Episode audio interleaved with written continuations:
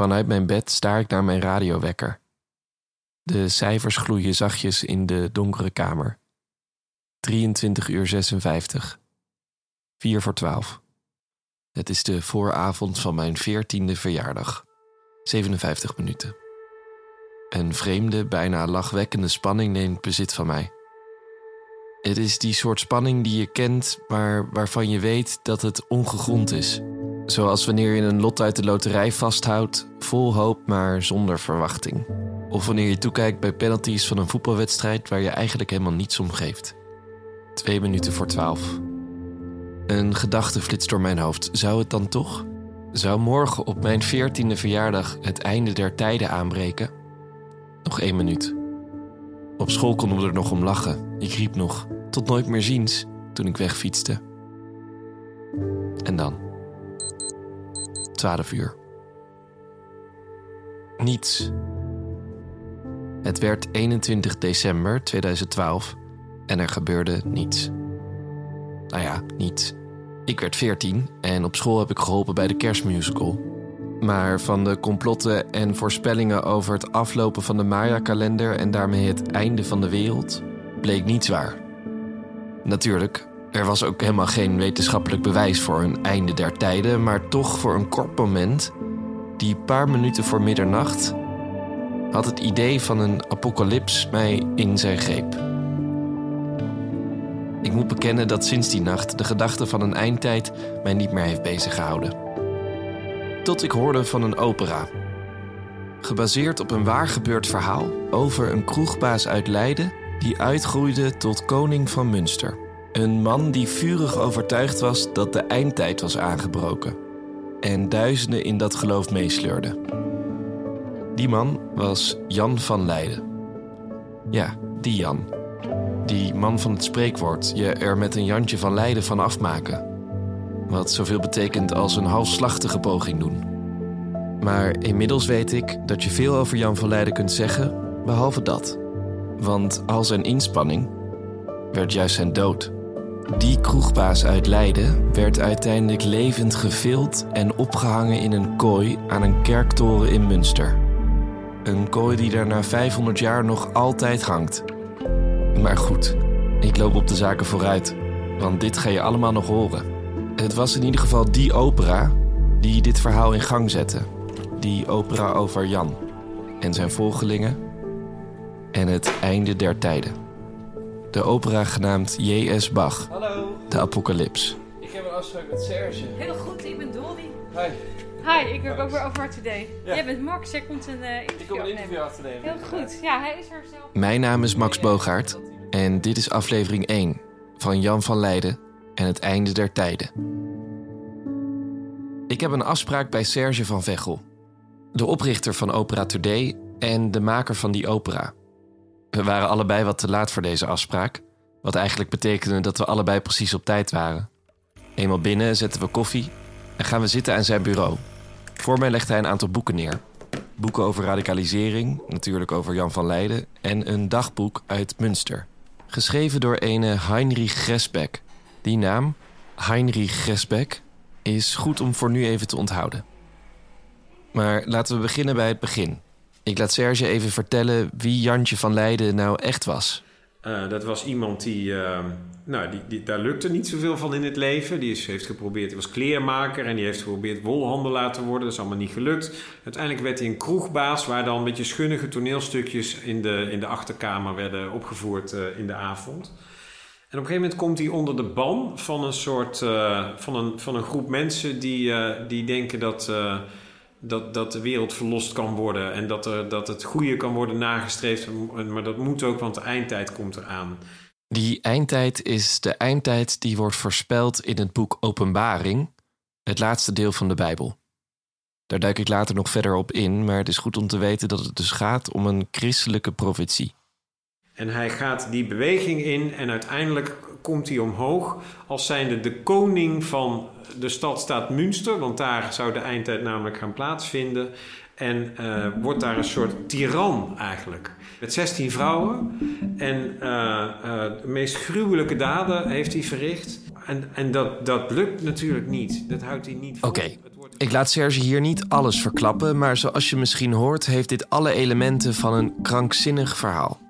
Zelfs Serge, die al een opera heeft gemaakt over het verhaal van Jan van Leiden, vertelt dit aan mij met verbazing in zijn ogen. Alsof hij het zelf ook niet helemaal gelooft. Maar dit verhaal is meer dan een serie krankzinnige gebeurtenissen.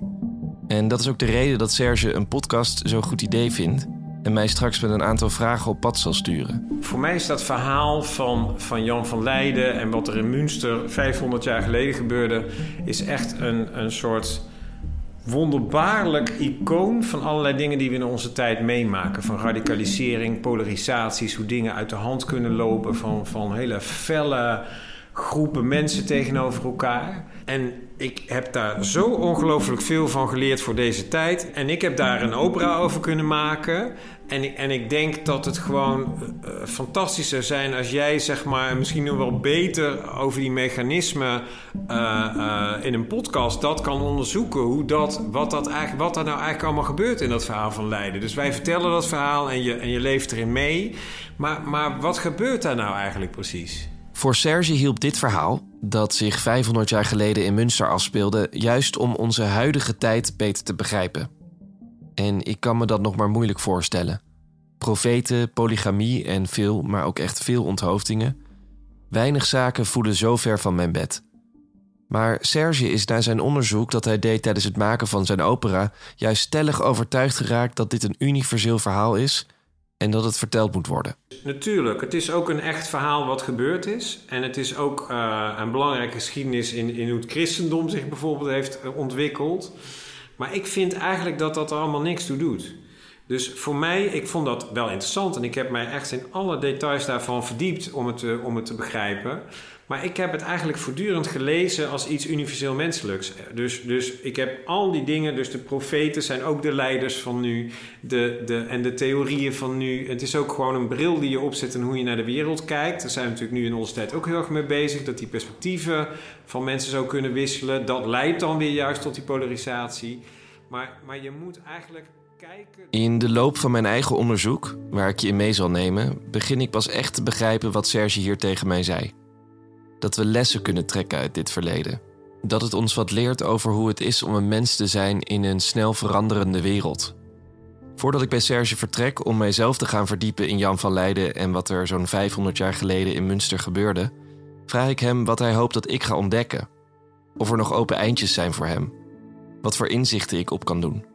Ik ben benieuwd of jij, als je hier een tijdje mee bezig bent geweest, kan beantwoorden: zou jij ook een terrorist kunnen zijn? Ben ik in staat om zo te radicaliseren. Ja. En herken, je, herken jij die aspecten in jezelf? Herken je de mechanismen die ik denk in ieder mens zitten, waardoor als jij denkt, oh ja, maar als mij dat en dat en dat gebeurt, dan uh, weet ik eigenlijk niet zo heel zeker meer of ik dat nooit zou doen. Dat is interessant volgens mij. Die had ik even niet verwacht. Ik dacht dat ik een spannende podcast ging maken over een gekke man die het in twee jaar tijd van een kroegbaas tot een koning weet te schoppen. Maar hier werd ik ineens geconfronteerd met een existentiële vraag: of ik ook zelf zo zou kunnen radicaliseren. Of ik zelfs een terrorist kan zijn. Ik merk dat ik ook gelijk in een reflex schiet: nee, natuurlijk niet. Dat zit helemaal niet in mijn aard. Maar als ik eenmaal in Münster ben en naast de kooi van Jan sta, denk ik daar uiteindelijk heel anders over. Er is overigens nog een vraag die belangrijk is. Een vraag die Serge zelf weigert te beantwoorden. Wat waren de intenties van Jan van Leiden? Deed hij het om de macht of om geld? Of was hij er echt van overtuigd dat hij het goede aan het doen was? En maakt dat uiteindelijk uit? Maar als ik daar een antwoord op zou geven, zou ik geen opera hebben gemaakt. Zo niet. Nou, dat vind ik nou net wat, wat, wat je als publiek maar moet uh, bepalen als je die opera hebt gezien. Helemaal bevredigend vind ik dat antwoord niet. Maar dat is niet erg, want ik ga zelf op zoek naar een antwoord op die vraag. Of tenminste, ik probeer in de buurt te komen van een antwoord. En daarom is het tijd om te beginnen met dit verhaal. Er is namelijk iemand die ik moet spreken. In Nederland is er maar weinig aandacht voor dit stukje geschiedenis, maar de historicus Luc Panhuizen schreef twee boeken over Jan van Leiden. En via zijn blog weet ik een bericht naar hem te sturen. Oké, okay, verzend. Oh, ik hoop zo dat hij reageert. Ik wacht een paar dagen in spanning af, maar dan krijg ik een e-mail dat ik bij hem langs mag komen in Zwolle. Daar ben ik. Hey, wat goed je te ontmoeten. Kom maar in. Dankjewel. Uh, ik dacht, aan deze tafel kunnen we mooi zitten. Ja, heel fijn, heel fijn. Uh, kop thee? Terwijl Luc thee zet, neem ik een kijkje in zijn boekenkast. Op zoek naar een overkoepelend thema. Maar die ontdek ik niet. En dat is ook wel logisch, want Luc schrijft zelf ook boeken over uiteenlopende onderwerpen uit de Nederlandse geschiedenis. De Gebroeders de Wit, het rampjaar van 1672, Willem III en ook het boek De Beloofde Stad over Jan van Leiden en het Koninkrijk der Wederdopers. Ik wil weten waarom hij gefascineerd is geraakt door dit specifieke verhaal. En voor dat antwoord moeten we terug naar de tijd dat hij politiek verslaggever was bij het Parool. En ik heb als verslaggever van Parool gemerkt hoe uh, enorm seculier onze samenleving is, maar dat er andere invloeden zijn. En die gaan hun plek opeisen. Luc had onder andere integratie in zijn portefeuille en hij zag in Amsterdam dat het er soms fel aan toe kon gaan. Ik zag hoe, hoe vreemd het religieus is geworden. Tegelijkertijd, ik ben historicus. Ik weet gewoon dat 1800 jaar van, van westerse Europese uh, geschiedenis is doortrokken van religie. Dus iets wat heel erg groot was voor, nou, laten we zeggen, 90% van onze geschiedenis, lijkt ineens verdwijnen. Dat heeft me gefascineerd. Toen ik ontslag had genomen bij Parool, ben ik op zoek gegaan naar wat, wat vind ik mooie projecten om over te gaan schrijven. Het moet een verhaal zijn met een kop en een staart. En het moet een verhaal zijn wat, nou ja, een beetje sensationeel is, maar ook met de hoofdpersoon. En het moet een spiegel zijn voor nu. Toen ik dit tegenkwam, dacht ik, bingo. Jan van Leiden. Jan van Leiden en die pressure cooker van Münster. Dat, dat je een stad hebt die uh, anderhalf jaar wordt belegerd. En in het bestek van anderhalf jaar gebeuren de meest krankzinnige dingen. Ik dacht, daar zit een heel mooi verhaal in. En dat verhaal begint in Leiden, aan het begin van de 16e eeuw, bij een jongeman die Jan Beukels heet. Want die naam Jan van Leiden krijgt hij pas later. Uh, Jan Beukelszoon is um, zoon van een, uh, een hulpsschout van een kleine stad in Nederland. Uh, is dus redelijk onderlegd. De moeder van Jan. Het valt me op dat het bijna lijkt alsof Luc Jan van Leiden zelf gekend heeft. Alsof hij praat over een vriend waar hij geen contact meer mee heeft, maar nog altijd met enige bewondering over spreekt. Hij heeft sowieso, laten we zeggen, prettige kenmerken in zijn DNA. Hij heeft een heel mooi gezicht. Veel tijdgenoten zeggen: Goh, wat een fijne, regelmatige trekken. Gewoon een knappe man. Gewoon een knappe man. En die waren, die waren nu, het, toen nog zeldzamer dan tegenwoordig. Iedereen had wel ja, littekens op zijn gezicht. Pokvlekken. Iedereen was ziek. Was een beetje mismaakt. Wie had nog een, een, een mooi gaaf gebit? Weet je, mensen met, met regelmatige trekken en nog enigszins gave tanden, die vielen al op. Jan blonk hierin uit. Het was echt een, een, een man waar, waar mensen met, met genoegen naar keken. Jan van Leiden was dus van goede komaf en best een knappe man. Luc vertelt dat hij naar school is gegaan om kleermaker te worden, maar daar komt niet heel veel van terecht. Want Nederland verkeert op dat moment in een economische crisis. Er is veel werkeloosheid. En, uh, en net als heel veel tijdgenoten zwerft ook Jan van stad naar stad op zoek naar werk. Jan was ongeveer 15 toen hij overstak naar Engeland. Hier moet hij dus ook enige baantjes hebben gehad, want hier verbleef hij vier jaar lang. Het is mogelijk dat hij heeft geprobeerd daar zijn eigen werkplaats op te zetten of lucratieve contacten te leggen, zoals hij later zelf zou beweren. Uiteindelijk besluit hij door te reizen naar Antwerpen en in die grote handelsstad hoopt Jan zijn carrière nieuw leven in te blazen. En weer wil het niet lukken. Verslagen moet hij terug naar Leiden zijn gegaan om niet veel later te trouwen met Marietje, een schippersweduwe. Ze kregen een kind, maar niet lang na die geboorte vertrekt Jan alweer naar Lissabon. Hij reist nog langs andere Europese steden, maar uiteindelijk geeft hij daar zijn koopmansdroom op. En uiteindelijk uh, is hij een kroeg begonnen in Leiden. En die kroeg heet In den Witte Lelie. En Jan stond daar niet alleen achter de bar. Jan was ook goed met woorden. Hij kon toneel spelen en hij was goed met woorden. En hij wist ook dat goed theater. mm, dat je daar een publiek mee kon beïnvloeden. En dat is wel goed om te weten. Dat theatrale van Jan, dat komt nog wel vaker terug in dit verhaal. En het is ook een van de redenen dat ik zo twijfel aan de intenties van Jan. Wanneer Luc dit zegt, denk ik al gelijk: goed kunnen acteren? Nou, dat komt van pas als je de boel probeert te bedriegen. En in die kroeg die hij in Leiden was begonnen, had hij ook een rederijkerspraktijk. Rederijkers, dat waren dichters en toneelspelers. In de kroeg van Jan werden de tafels aaneengeschoven en werd er zo een podium gecreëerd, waar hij ook zelf op trad. Daar eh, hebben historici het vermoeden van, en ik ook, dat op die bühne ook al heel vrijzinnig werd omgegaan met geloofsartikelen. Jan had tijdens zijn reizen naar Lissabon, naar, eh, naar Engeland, natuurlijk ook al in die vrije atmosfeer van het maritieme verkeer al invloeden opgedaan van de Reformatie. De Reformatie. Misschien is dat wel de belangrijkste context als je iets wil begrijpen van dit verhaal. Het zette dingen in beweging die al eeuwen stil hadden gestaan. Het was een, een, een enorme gebeurtenis. 1519 hangt Luther uh, de stellingen op uh, in de, op de kerkdeur van, van Wittenberg.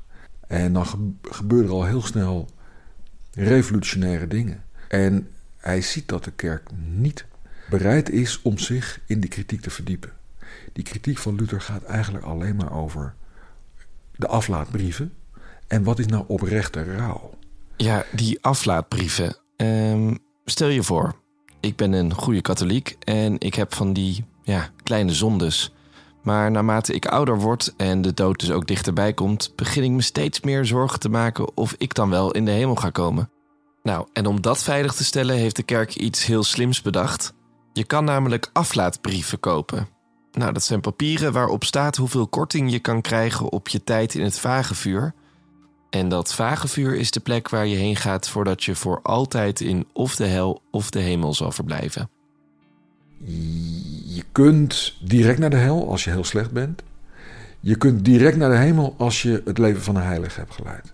De meeste zondaars, de meeste gewone mensen, zitten daartussenin. Dus die, die weten zeker dat ze, als ze na hun dood naar boven gaan, dat ze eerst een poosje zullen moeten verblijven in het vagevuur. En dat vagevuur is geen pretje, zegt Luc met een grote grijns. Daar is het niet fijn verblijven. Dus het is, daar, het is daar heel heet. Uh, je, je, wordt blootgesteld aan vlammen. Er zijn van die, van die uh, sarrende uh, demonen die je met drie tanden weten te bewerken. Je wordt in de puttelende potten met, met lood en met allerlei kokende pek gedoopt. En je gaat nooit dood. Maar je zenuwen zijn wel alive en kicking. Dus alle pijn die blijf je ervaren. Alleen er is geen ontsnapping meer. Ik kan me best voorstellen dat je veel over hebt om niet al te lang in dat vage vuur te verblijven. En het is ook belangrijk om te realiseren dat een overgroot deel van de mensen in die tijd geloofde in deze angstaanjagende tafereelen. Het leven was doordrenkt met religie, zoals Luc al zei. Maar er was wel kritiek binnen het christendom, want Luther kwam in opstand nadat de paus een nieuw soort aflaatbrief had bedacht. En die was wel heel voordelig. Op een gegeven moment zegt de paus: Ik heb extra geld nodig, want uh, de Sint-Pieter komt maar niet af. Uh, ik uh, schrijf nou een extra mooie aflaat uit. Die scheldt verblijf in het vage vuur uit voor onbepaalde tijd. En scheldt zelfs je zonde kwijt voor de toekomst. Dus het geld stroomt binnen. En het is tegen die aflaat dat Luther in het geweer kwam. Dit heeft er niks meer mee te maken. Dit is pure zwendel. Dat is het begin geweest van, van de Reformatie. Dat is inderdaad pas het begin. Want alleen die stellingen op de kerkdeur leidt nog niet tot een eindtijdsbeweging. Er gebeurt nog veel meer. Al, al, al, al een jaar of twee jaar na die 95 stellingen zei uh, Luther: de paus is niet zomaar een sterveling met een raar hoofddeksel op, op zijn hoofd. Nee, hij is de geïncarneerde duivel. Hij is de antichrist. En als de antichrist op aarde zich beweegt, we hoeven het laatste Bijbelboek er maar op na te slaan, dan kan het maar één ding betekenen. Het laatste oordeel is op handen. Het laatste oordeel, dat was door de Reformatie ineens weer geagendeerd. En eh, door Luther, maar ook door een aantal dingen in de actualiteit. Zo zorgde de boekdrukkunst ervoor dat mensen ineens zelf de Bijbel konden lezen.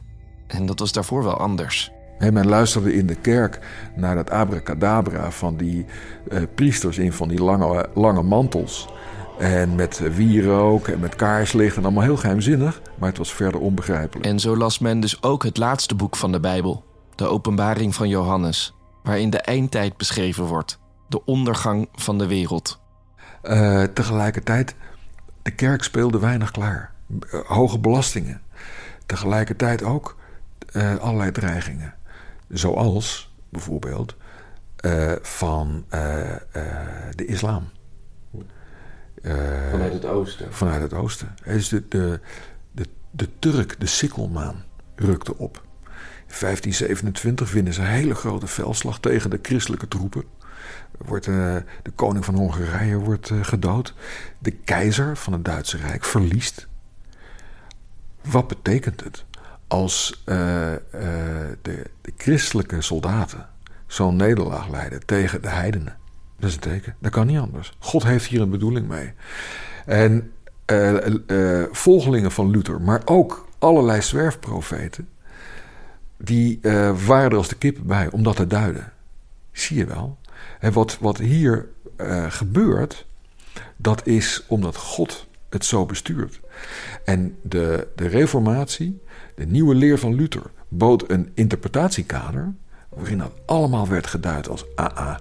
De ondergang zit eraan te komen. En dit is de context waarbinnen ook de wederdopers opkwamen. Nu we dit weten, is het tijd om terug te keren naar Jan in zijn kroeg in Leiden. In die schemerige gelachkamer van de Witte Lelie verzamelde zich niet alleen de vrijzinnige burgerij. Hier ving Jan echo's op van een wereld die verder reikte dan de muren van zijn stad. Verhalen van reizigers en handelaren die zijn kroeg bezochten. En hier hoorde hij ook over een nieuwe beweging, de Anabaptisten, later bekend als de Wederdopers. Zij gingen veel verder dan Luther in hun kritiek en begonnen in het geheim niet kinderen, maar volwassenen te dopen. En zo was er in de Witte Lelie ook gefluister over Münster, waar revolutionaire preken door ene Stoetenbernd werden gehouden. En dat moet Jan hebben gegrepen. Want tegen de wil van zijn vrouw Marietje in, die hem wees op het feit dat ze amper geld hadden, zette Jan gelijk koers naar Münster. En hij ging niet alleen. Met hem waren voormalig geestelijken die net zo goed van die Stoetenbernd in Münster wilden horen. Ik heb trouwens dat ene dagboek van Serge geleend. Dat dagboek van Heinrich Gresbeck. Gresbeck was een meubelmaker en verbleef rond die tijd in Münster. Hij schrijft daarin: Stutenbernd kon spreken, er was niemand die hem kon kloppen. Hij haalt het hier vandaan en daar vandaan, zijn behendigheid met praten is niet te beschrijven. Misschien dacht die theatrale Jan nog wel iets van hem te kunnen leren. Eenmaal in Münster vond Jan zielsverwanten. Mensen die ook op zoek waren naar iets groters, een grotere waarheid, zingeving. Jans verblijf in Münster en het bijwonen van de preken van Stutenbernd was meer dan een pelgrimstocht. Het was een metamorfose. Van een simpele kroegbaas transformeerde hij naar een vurig predikant. Er is maar weinig bekend over dit halfjaar van zijn leven. Maar wat we wel weten is dat het preken hem ongelooflijk goed afging. Aan aandacht kwam hij absoluut niet tekort. In Osnabroek moest hij de stad ontvluchten omdat er te veel mensen op zijn preken afkwamen. En zo zworf hij al preken terug naar Leiden, terug naar zijn gezin. Hij was een veranderd man. En niet lang daarna stapte een grote man zijn kroeg binnen met wilde haren en een lange baard.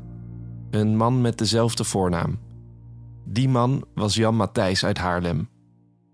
En Jan Matthijs voorspelde het einde van de wereld. En Jan ging daarin mee. Maar dat hoor je in de volgende aflevering. Je luisterde naar aflevering 1 van Jan van Leiden en het einde der tijden. Deze podcastserie is gemaakt door mij, Max Bogaert, in samenwerking met Opera Today en de Nederlandse Bachvereniging. Bedankt voor het luisteren.